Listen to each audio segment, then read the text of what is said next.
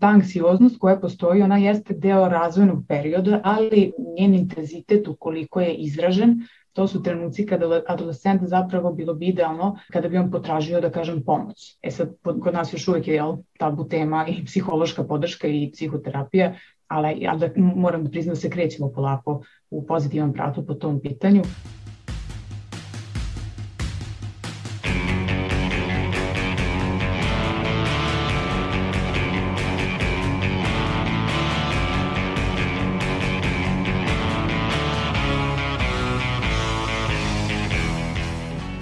Slušate podcast Reagu i nezavisnog društva novinara Vojvodine. Moje ime je Iva Gajić, a na podcastu rade i Irena Čučković, Sanja Kosović i Sanja Đorđević. Da li se sećate perioda adolescencije? Verujem da je za deo vas ovo bio stresan period u kome možda niste bili najzadovoljniji svojim izgledom. Upravo o tome pričamo u 93. epizodi podcasta Reaguj, a pokušat ćemo da saznamo i kako to utiče na mentalno zdravlje. Ova epizoda nastala je u saradnji sa Mental Hubom. Krenemo od ličnih primjera. Studentkinja Milena Savić uradila je anketu sa mladima. Poslušajmo njen prilog. U periodu adolescencije, drastične i nagle promjene opšteg tjelesnog izgleda dovode do toga da izgled postaje jedna od najvažnijih briga tinejdžera. Ovaj period dodatno komplikuje sve prisutnije standarde ljepote koje diktiraju društvene mreže. Mladi sa kojima smo razgovarali imaju različite iskustva kada je u pitanju značaj fizičkog izgleda u toj dobi. Pa nije mi bio toliko važan ili bar ja nisam davao toliko svesno značaj, ali sam volao recimo da eksperimentiše sa svojim izgledom ovaj, da budem autentičan. Pa mislim da u suštini generalno tinejdžeri da bar jednom u toj nekoj tinejdžerskoj fazi prođu kroz, kroz to da im je bitan fizički izgled, odnosno bitno im je kako ih neki ljudi na prvu loptu ovaj, vide. Izgled nije previše uticao na, na, na moje samopoznanje kao tineđer i čak šta više dok odrastam dalje da ovaj, čini, čini mi se da mi više znači nego ranije. E, za mene je izgled bio dosta važan, ali sam bio među ružnijima, pa mi je bilo jako neprijatno celu srednju školu. Pa konkretno meni nije toliko, na primjer, u prve dvije godine e, srednje škole, ali kasnije baš jeste, jer kasnije svima izgleda počeo da bude bitan i mislim da je to zbog Instagrama i ti stvari je tad počeo baš velika popularnost tih mreža. Sa druge strane, mladi su većinom saglasni da društvene mreže utiču na sliku koju imaju u sebi, ističući pozitivne, ali i negativne efekte ove pojave. Mislim da generalno uh, dosta utiču društvene mreže, ne samo na sliku koju imamo o nama, nego na sliku koju imamo i o drugim ljudima. Mislim da društvene mreže nisu toliko dobra stvar, mislim da zaista mogu da poljuljaju nečije samopouzdanje. Pa motiviše me da vežbam, recimo ako gledam profile gde su konkretno ne znam, ajde sad e, muškarci koji idu u teretanu, razmišljam zapravo da krenem u teretanu zato što se meni sviđa taj izgled. Danas kada se pogleda društvene mreže svi liče jedni druge i nekako ne vidim u tome ništa vredno, već baš suprotno nešto što je loše i od čega, što izbegavam. Pa na mene nešto pretredno ne utiču, ali u ranijim fazama svog života sam dosta brinuo o tome kad postavim sliku na Instagramu i vidim kako sam tamo wow i vrhunska wow Saro, a onda posle kad ono pogledam se ogledalo posle toga kao brate kakva realnost. Čuli smo šta kažu mladi, ali zašto je baš ovaj period taj u kome je izgled najvažniji? Irena, ti si razgovarala sa psihološkinjom. Šta kaže ona? Tako je Iva. Kako objašnjava psihološkinja Jovana Trbojević, period adolescencije često se naziva periodom bura i oluja, jer on, pored fizičkih promena kao što su nagli rast i povećanje telesne težine, donosi i promene po pitanju kognitivnog i socioemocionalnog razvoja pojedinca. Znači ima jedan spektar promena koja, koja adolescent, nažalost, uglavnom sam prolazi u smislu, a, iako postoje sad gomila informacija i putem socijalnih medija i putem i škola se trudi da, da, da kažem da ima svoju ulogu u tome, a nažalost on bude sam za sobom jer mu jako teško da definiše prvo šta mu se sve to dešava, a onda i da podeli, to jest da ne osjeća stid i sramotu povodom nekih svojih dilema, sumnji, nesigurnosti i da to kaže naglas. U tom smislu adolescenti zapravo u ovom periodu, iako su okruženi gomilama u smislu i online poznanstava, ali uživo po pitanju škole, nažalost uglavnom se zapravo osjećaju u velikoj meri usamljeno i u toj usamljenosti se zapravo suočavaju sa velikim promenama i izazovima koje nosi adolescencija. Kada govorimo o formiranju slike o sebi u periodu adolescencije, ono podrazumeva vrednovanje sebe na osnovu fizičkog izgleda. Jer kad je dete malo, ono još uvijek nema taj osjećaj, jel, u smislu da li sam gojazna, nisam gojazna, te, te epitete dobijate kod socijalne, uh, socijalne sredine u adolescenciji to dolazi do buma. Znači, adolescent sad vidi sebi u ogledalu i vidi kako ga drugi percipiraju i jednostavno dolazi do potpune, da kažemo, redefinisanja slike o sebi. Adolescencija je ujedno i period kada se definiše, to jest razvija identitet i u sklopu tog identiteta koji nije samo satkan od uverenja, stavova i interesovanja je naravno i ta slika o sebi, to jest fizičkom svojstvu, da li, sam, e, da li sam prigodan ili nisam, da li sam privlačan ili nisam, što dovodi do mnogih pitanja i dilema. Međutim, praksa pokazuje da, iako nesigurnost u sebe po pitanju svog tela često vezujemo za adolescenciju, ona se može dogoditi u bilo kom periodu života gomile nekih životnih događaja koji se dešavaju kroz životni ciklus, utiču zapravo da se mi stalno pitamo ko smo i šta smo i da prispitujemo dokle smo došli, da li smo zadovoljni time što smo postigli i da pravimo neke, da kažem, nove ciljeve koje ćemo ostvariti u narednom razvojnom periodu. E, ono što je isto negde možda danas aktuelnije jeste da upravo, na primjer, fakultetska populacija, znači mladi od 20 pa do neki 27-30 godina, E, zaista imaju visok, visok stepen e, nesigurnosti po pitanju sebe i svog tela. Neke situacije u kojima sam bila sa, upravo sa tom populacijom su me onako malo i uplašile, ne negativno, nego više su me možda zabrinule u smislu koliko mladima nedostaje taj sistem podrške, jer e, devojke uglavnom sa kojima dolazim u kontakt, koje su fakultetske populacije, E, iako imaju iskrivljenu sliku same seksualnosti i seksualnih odnosa uopšte, šta, šta oni predstavljaju. I neretko sam čula upravo to pitanje od mladih devojaka, a za šta je onda treba momku ako ne za seks? što opet vodimo se znači, na tu vodenicu pitanja ko sam ja. Jer ako devojke vide samo sebe kao nekoga ko treba da zadovolji muškarca, da li u seksualnom ili emotivnom ili bilo kom drugom smislu, postavlja se pitanje gde je njihov identitet i kako zapravo njima da pomognemo da steknu veću sigurnost u sebe i ono što jesu, a da to ne bude neka, ne, neka uloga koja je namenjena drugima, a ne njima samima. Ono što je takođe važno naglasiti jeste da deci još od najranijeg uzrasta šaljemo poruke o tome kako posmatramo nečiji fizički izgled i koliki mu značaj pridajemo. Imala sam situaciju u, kolima, nekoliko nas se vozilo i bila je jedna devojčica i u nekom trenutku pričale, to su standardne, da kažem, priče koje, koje se vrte kada dete idu vrtić, šta si jela, koliko si pojela, da li si spavala i sve, sve tako dalje.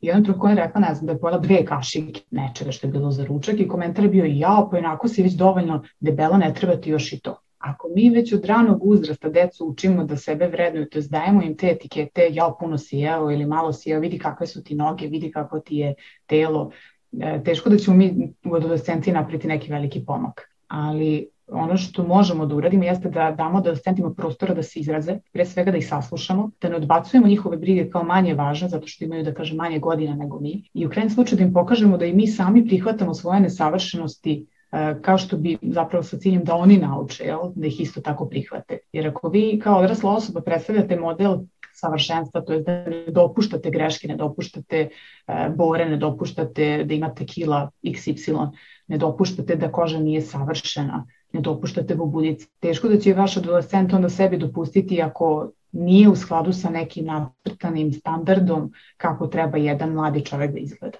S ovim se slaže i izvršna direktorka prijatelja Dece Srbije Iva Eraković, koja kaže da su, između ostalog, za zdravu sliku o telu dece odgovorni i roditelji.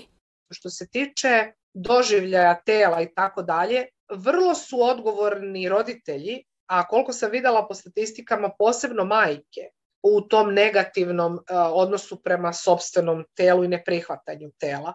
Odnosno, devojčice, posebno devojčice, ali da kažemo deca, koje odrastaju sa majkom, koja neprekidno nezadovoljna svojim izgledom i neprekidno je sama na nekim prepravkama, dijetama i tako dalje, prirodno je da neće lako izgraditi ili imate taj fenomen da roditelji vrlo nesmotreno deci šalju poruke da su gojazna, da ne izgledaju onako kako roditelji su ušli u kliše društveno prihvaćenog izgleda. I znači počinju detetu, vi nikad niste imali veći pritisak na devojčice koji dolazi iz porodice. Nemoj toliko da jedeš, nemoj da jedeš slatkiše, ugojit ćeš se, ugojit ćeš se.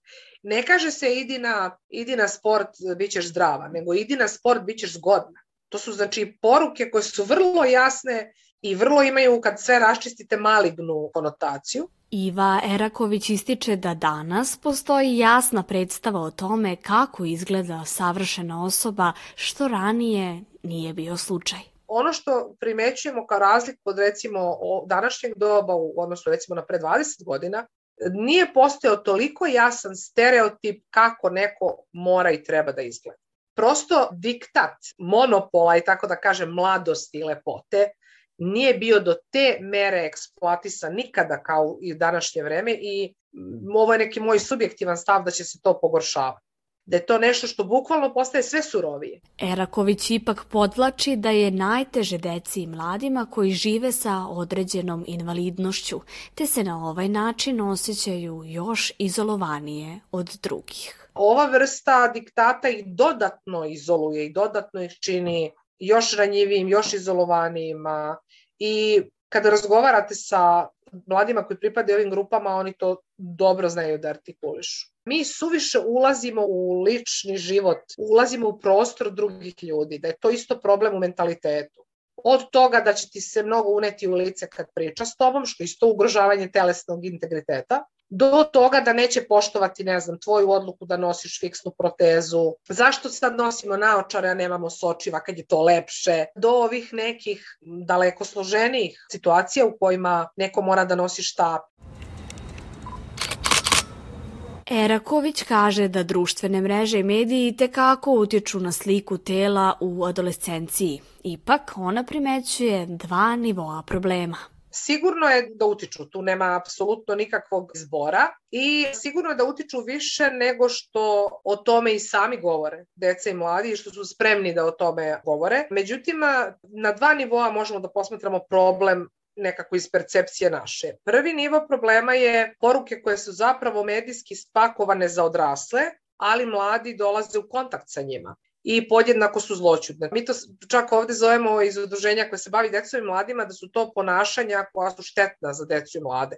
Tipa, smršajte 10 kg za 7 dana. Čarobni napici od kojih su mnogi od nekih vrlo substanci, to čak imate cele recepture kako da pomešate, ne znam, limun, sodu, bikarbonu, jabuko, sirći i da ne znam šta uradite u vezi svog gubljenja težine do direktnih instrukcija kako treba nešto da urade, što u stvari može za njihovo zdravlje da bude opasno. Ciljna grupa su navodno odrasli, međutim sve to i tekako gutaju deca i mladi, to je jedan nivo problema. A drugi nivo problema je što se kroz određene poruke medijske u kojima učestvuju deca, nažalost, konkretno recimo modna industrija za decu, bukvalno prave neke vrlo štetne poruke za decu i mlade na nivou doživljaja sobstvenog tela. Ono što mi jako uočavamo kao organizaciji, stalno skrećemo na pažnju da je vrlo opesan fenomen, to je seksualizacija. Znači vi imate da na nekom ranom uzrastu recimo slike u Vogu ili u nekim modnim časopisima devojčice koje su kompletno našminkane, iskvarcovane, obučene kao odrasle žene i to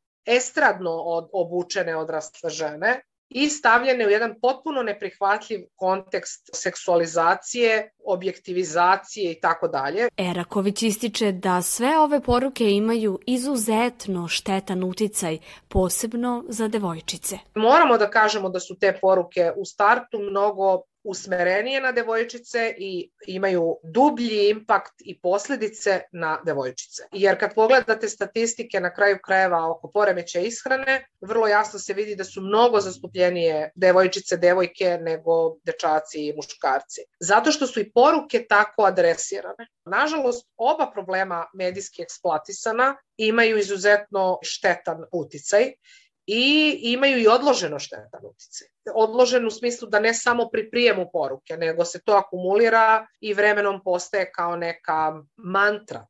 Eraković podvlači da su najveće vrednosti u društvu iskrivljene, te da se često teži samo lepoti i moći. Ono što je vezano za te poruke jako je važno, to je da se lepota uspeh i moć kroz te poruke stavljaju kao najveće vrednosti kojima mlada osoba može da teži i fizički izgled, mladost, ageizam, znači potpuno je poruke koje su vrlo opasne razvojno, mislim za uzrast posebno taj u kome se sazreva i usmerava za neke bitnije odluke u životu. Onda imamo kao posljedicu, aha, kakvo društvo na kraju ima. Ako je jedino bitno biti lep, uspešan i na kraju moćan. Jer a, i lepota se vrlo često prikazuje kao put do moći i uspeha. I to je nešto što se jako vidi posebno u reklamama, posebno u toj oblasti reklamne industrije. Međutim, provlači se suptilno i podjednako maligno kroz razne sadržaje medijske. Imate čitav jedan set programa koji se vode kao programi za decu, a u kojima se navodno propagira deči talenat, a zapravo im se nameće ideja upravo ova o kojoj sad sam govorila, da izgled, uh, usput, by the way, taj izgled je opet upakovan kao da je to potpuno odrasla osoba, neadekvatan je. Znači da je to nešto što je jedino poželjno i društveno prihvatljivo. Međutim, pitanje uticaja socijalnog konteksta na sliku o sebi nije novo i ono se počelo postavljati još mnogo pre ekspanzije interneta. Ono što je danas možda malo, da kažemo, drugačije odnosno na ranije jeste ta dostupnost u smislu e, samog sadržaja, ali i ličnosti koje osoba sad može da vidi ne samo putem televizora kao što je ranije bilo, nego sad i putem TikToka i društvenih mreža i različitih jel, platformi, što otvara, da kažemo, velika vrata da se mladi e, poistovećuju i procenjuju na osnovu nekih drugih ljudi. Danas e, i taj kult zgodnog, mršavog, atraktivnog i to opet kažem nije ništa novo. On je danas aktuelan, s tim što danas imate neki e, malo drugačiji trend u smislu da nije sad ni, ni ideja ni smisao biti mršav i zgodan, nego biti lajkovan, biti, biti dopadljiv. I nekako mladi kada vide da su dopadljive one osobe koje su neinhibirane, koje zapravo nemaju poteškoća u ispoljavanju nekih svojih, da kažem, sirovih želje, potreba, u različitim realitijama i, i tim, tim konstruktima, to je tim konceptima medijskog sadržaja, onda smatraju da je to način kako će dobiti uh, pripadnost, u smislu tako će me više voleti. Što ja manje imam neke inhibicije, što sam ja više haotičan, što se i oblačim na taj način da predstavljam, da kažem, vizualni haos, a ne samo unutrašnji haos, u toj meri će me više i voleti i ceniti.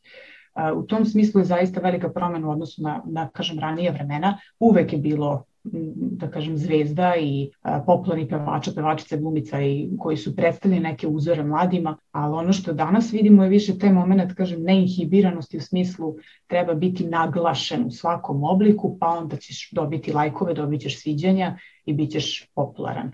Zoran Mitrović mladima se bavi već 10 godina. Kao omladinski radnik bavi se i samopouzdanjem mladih. On upoređuje kakvu su sliku o sebi stvarali mladi ogledajući se o teenage časopise, a kako to rade danas u eri filtera. Opasno je u jednu ruku bilo i onda i ovo danas. Ovo je danas opasnije zato što to vidimo svakog sekunda i sve mora biti to, sa, mislim, mora biti savršeno da bi, jel te, postovali, postovao ovaj, fotografiju na Instagram, na, na, na Facebook ili neku drugu društvenu mrežu i bezbroj filtera, ovaj, ja, ja se baš u ne razumem, ali zaista ono što je na Instagramu to je ekstremno ovaj, um, rasprostranjeno kod mojih eto, i starije generacije malo i ove mlađe. Um, zaista jeste opasno, pošto eto, imamo tu priliku da u to neko vreme kad su časopisi bili um, aktuelni, odeš i pogledaš to gledalo i ok, neke stvari baš se ne uklapaju, ali onda imamo gledalo koje se zove danas telefon, pogledaš kako te neke osobe izgledaju, onda ti sebe provučeš kroz te filtere i onda kažeš ok, može to. Tako da je izuzetno opasno, ali izuzetno opasno, opet po znacima navoda, ne bih ja rekao da se nešto mlado društvo kod nas, generalno gledalo, mlado sam ništa opterećuje time puno, Iako nije novost da se mladi tokom adolescencije osjećaju nesigurno povodom svog tela, ono što jeste novo je digitalni aktivizam koji se zalaže da je svako telo lepo za sebe. Sanja, da li možeš da nam kažeš nešto više o ovome? Naravno Iva, reč je o aktivizmu koji je nazvan body pozitivizmom. Pričala sam sa Draganom Dokuljev koja na Instagramu i TikToku ima 10.000 pratilaca. Ona kroz te platforme pokušava mladim ljudima da podigne svest o tome da je svako telo lepo telo. to jest o body positivity-u, sa ciljem da nauče ljude da prihvate sebe. Ona za podcast reaguje i objašnjava zašto je body positivity važan. Smatram da je body positivity zapravo neophodan i jako bitan za sve, ne samo za plus size osobe i ne samo za plus size žene, zato što to je ono što uglavnom najviše vidimo, ali prosto mislim da su, eh, da je taj community, da kažemo, najglasniji, da nas ima mnogo i onda samim tim se najviše čuje, ali smatram da je jako, jako bitan za sve, zato što prosto ljubav prema sebi nas vodi ka, da kažemo, srećnijem životu, a ljubav prema sebi jeste prihvatanje sebe što jeste body positivity. I ovo želim da naglasim, body positivity ne znači da ste vi sad srećni sobom u ovom trenutku i da nećete ništa promenite.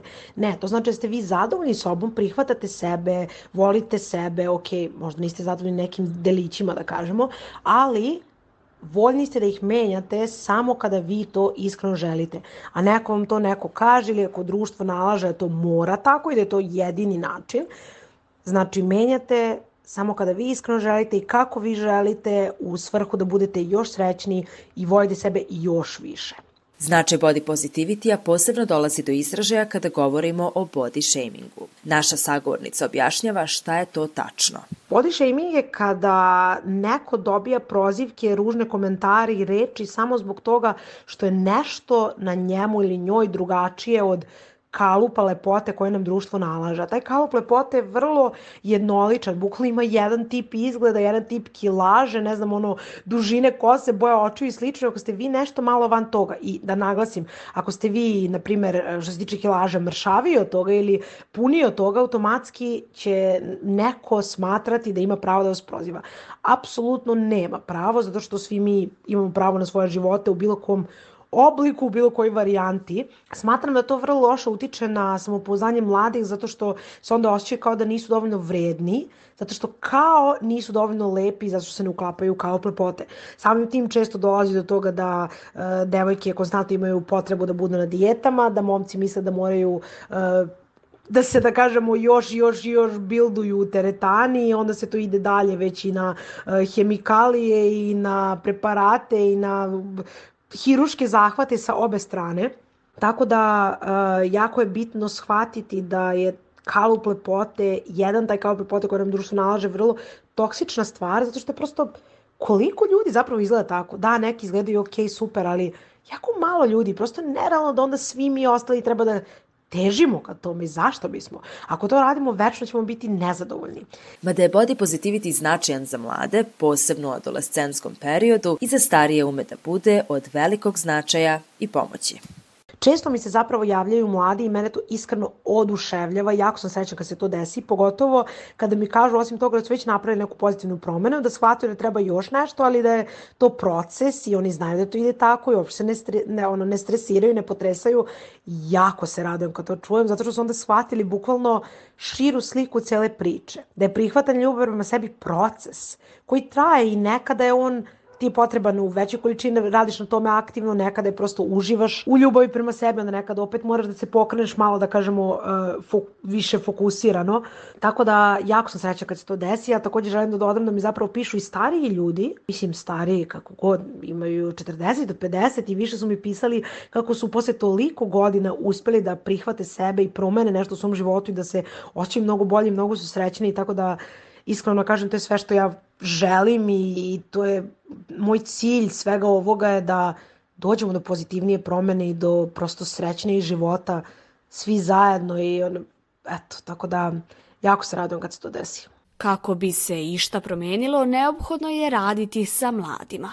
Kao i više puta do sad, rešenje i ovog problema svakako je između ostalog i medijska pismenost, smatra Iva Eraković iz Prijatelja Dece Srbije. Mi s mladima kad radimo, mi radimo čitav set načina na koji ih mediji zloupotrebljavaju. S tim što to ne radimo da im damo gotova rešenja, nego o tome s njima razgovaramo, navodimo ih i puštamo da kroz diskusiju i razne vrste radionica, da dođu do toga šta njima zapravo najviše smeta i uznemirava Toliko smo mi zatrpani tim medijskim šumom, da nije im lako da se snađu na prvi pogled, aha šta sad, kako u tome, ali definitivno jako dobro reaguju na svaku vrstu intervencije, edukacije, ako ovako prihvataju, aha, da, da, šta je to što je paralela, kako bi to moglo da se reši, kako pružiti otpor, e, kako ne konzumirati takav sadržaj. Do nekih naj operativnih vežbica tipa šta nije prihvatljivo da se deli od tog nekog vršnjačkog nasilja koje vrlo suptilne može da ima oblike, prividno suptilne zapravo, koji vrlo često imaju veze sa tim body shamingom i nekom vrstom neprihvatanja spoljašnjosti. Medijska pismenost je ta koja može objasniti mladima šta je stvarno, a šta je iluzija koja ostaje rezervisana samo za društvene mreže. Taj teror e, idealnog, koji zapravo ne postoji van naslovnica, to je najveća opasnost. Jer mladi i deca nisu do kraja svesni da su to neka photoshopirana lica i tela. I da to nešto tako ni ne postoji u realnosti. I to je možda neki nivo rada na kome apsolutno treba insistirati. Da to nije stvarno, da je to fake, da tako samo izgleda i da su težnje na nekom drugom mestu. Ali da bi težili nečemu drugom, mora da im se ponude vrednosti koje su drugačije. E to je ono što u društvenom smislu u Srbiji definitivno nedostaje. Vi morate ponuditi nešto drugačije, nešto što je adekvatno da bi se iz, izašlo iz te spirale idealnog koje usput postaje dosadno isto i, ru, i estetski je čak i ružno. Dragana Dokuljev smatra da poboljšanje digitalnog prostora dolazi jednostavno iz iskrenosti. Znači, što više ljudi je vrlo transparentno i iskreno, znači da kažemo, ako pričamo o devojkama, ako se snimaju i slikaju i sa šminkom i bez šminke, ako imaju bubuljice ili tačkice ili šta god, naravno mogu se isređivati, ali ako prikazuju jednu i drugu stranu, na primjer što se tiče momaka, ako slikaju, ne znam, slike iz teretane ili kako god šta god žele, ako slikaju i normalne slike gde se kao vide jedan ugao i drugi i pod svetlom ovakvim i onakvim i namešteni i namešteni, znači kad bi ljudi prosto prikazivali sebe onako kako jesu uživo najprirodnije moguće, to bi mnogo doprinelo uh, poboljšanju stanja uma, zato što bi ostali koji to posmatraju shvatili da je to prosto ljudski, da nismo photoshopirane lutke, i da nema potrebe da budemo, da je lepota u različitostima, lepota u našem prirodnom, sve što smo, da kažemo, imamo prirodno, je lepo. I pritom, želim dodati još jednu stvar, da nije sve, eh, da kažemo, u lepoti. Nije poenta da li je lepo, poenta je da li ste vi srećni i zadovoljni u svojoj koži. To je bitno. Ako se vi osjećate srećni i zadovoljni, naravno da se sredite i tako uslikate za Instagram, na primer, to je sasvim okej, ali smatram da ljudi koji žele da doprinesu nekoj promeni, bilo bi poželjno, ja bih rekla skoro i neophodno da prikazuju sebe u svim svetlima koje se prosto događaju toku dana, života i slično, zato što je to jedina realna slika, a ne photoshopirana. Ipak, kako bi digitalni prostor kome se mladi kreću bio zdravi, neophodno je na tome raditi od ranog detinstva mislim da o tome treba početi da se razmišlja dok dete, dok nije mlada osoba nego dete. Znači, apsolutno smo protivnici bilo kakvih zabrana, to smatramo glupošću. Ne možete vi izdvojiti generacije od tehnološke ere u kojoj žive, niti je to cilj. Međutim, jako je važno da roditelji, ovde se stalno priča o kontroli sadržaja, nije samo kontrola. Bitno je da roditelji zajedno konzumiraju sadržaj dok dete odrasta. Da prate šta to dete prati i da daju mu određeni feedback i da prve informacije koje stižu do deteta budu iz sigurne zone. Mi ne možemo isključiti nikakve internete i suština je da postoji interesovanje roditelja za to šta dete radi i usmeravanje deteta na korisne sadržaje, na korisno korišćenje interneta, Sa ovim se slaže i Zoran Mitrović, koji navodi da je nesigurnost u svoj fizički izgled kada je teenage period u pitanju prirodna stvar, a da rešenje pre svega dolazi iz porodice. Ono što meni prvo pada na pamet jeste svakako rad sa decom kod kuće znači porodica, ono što kažu ovaj, dete je ogledalo roditelja. Znači, mi se svi rodimo kao čist list papira i ako roditelji ne, ne, ne, ne posvete malo pažnje, ne, ne, ne razgovaraju o tome. Mislim da treba, jer svi mi jako mladi, pogotovo sad dobijamo telefone i profile na, na, na društvenim mrežama i kontam da je to skroz ok ako roditelj baci pogled na, na, na to što se dešava i što deca izbacuje ili eto ono se 50.000 puta fotografiše i jednu ili dve fotografije izbaci tamo da utiče i mislim da svi treba da se uključimo to. Ipak, osim porodice, Jovana Trbojević smatra i da u periodu adolescencije ključna pomoć prilikom suočavanja sa anksioznošću mogu biti i grupe za podršku mladima, kojih međutim nema dovoljno. Ideja ovakvih grupa je da one predstavljaju sigurno okruženje za istraživanje nekih sobstvenih ideja, stavova, sumnji, a zatim i pruže podučavanje u smislu vrednovanja sebe i svojih ličnih principa individualno adolescenti sami po sebi teško da mogu da izađu na kraj u smislu ako nema spoljašnje podrške. To ne govorim sa ni podoštavanjem u smislu da adolescenti nisu dovoljno zreli da se nosi sami sa sobom i da nisu dovoljno inteligentni, nego jednostavno taj pritisak koji postoji u tom periodu je zaista ogroman i teško je izboriti se sa svim, a da nemate neki vid podrške, da li od strane porodice, da li od vršnjačke grupe, škole ili kažem neke druge vrste podrške koja je van da kažem, školskog sistema koja podrazumeva, na primjer, psihološku podršku, da li individualnu ili grupnu. Tako da ta anksioznost koja postoji, ona jeste deo razvojnog perioda, ali uh, njen intenzitet ukoliko je izražen, to su trenuci kada adolescent zapravo bilo bi idealno uh, kada bi on potražio, da kažem, pomoć. E sad, kod nas još uvijek je jel, tabu tema i psihološka podrška i psihoterapija, ali, ali da, moram da priznam da se krećemo polako u pozitivan pravcu po tom pitanju, tako da bih prvi savet u suštini adolescentima koji se bore sa anksioznošću po pitanju sebe, svoje slike i o tome ko su i šta su, što su sve normalna razvojna pitanja, da samo pogledaju oko sebe koja je osoba kome mogu da iole poklone svoje poverenje kako bi samo ispolili, to jest izrazili te sumnje, jer anksioznost čim krenemo da pričamo o njoj, čim pokažemo zapravo čega se plašimo, čim to izgovorimo, ona već uveliko, to jest ne skroz, ali u velikoj meri gubi svoju moć. Ovim završavamo 93. epizodu podcasta Reaguju u kojoj smo govorile o adolescenciji, slici tela i mentalnom zdravlju. Da li vi imate neku zanimljivu priču iz ovog perioda koju želite da podelite sa nama?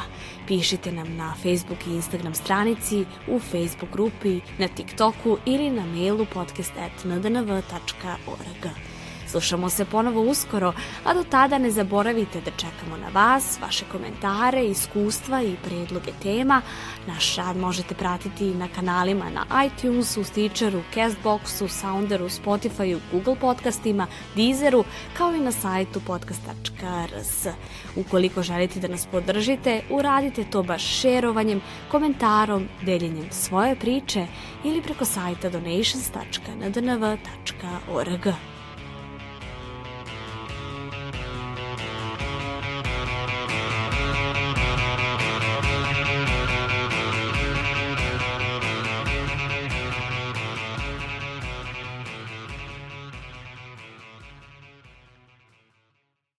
Podcast je nastao u okviru projekta Povezivanje ka većoj vidljivosti organizacija civilnog društva i većem učešću građana, koje realizuje Fondacija Ana i Vlade Divac uz podršku Balkanskog fonda za demokratiju, Nemačkog maršalovog fonda Sjedinjenih američkih država.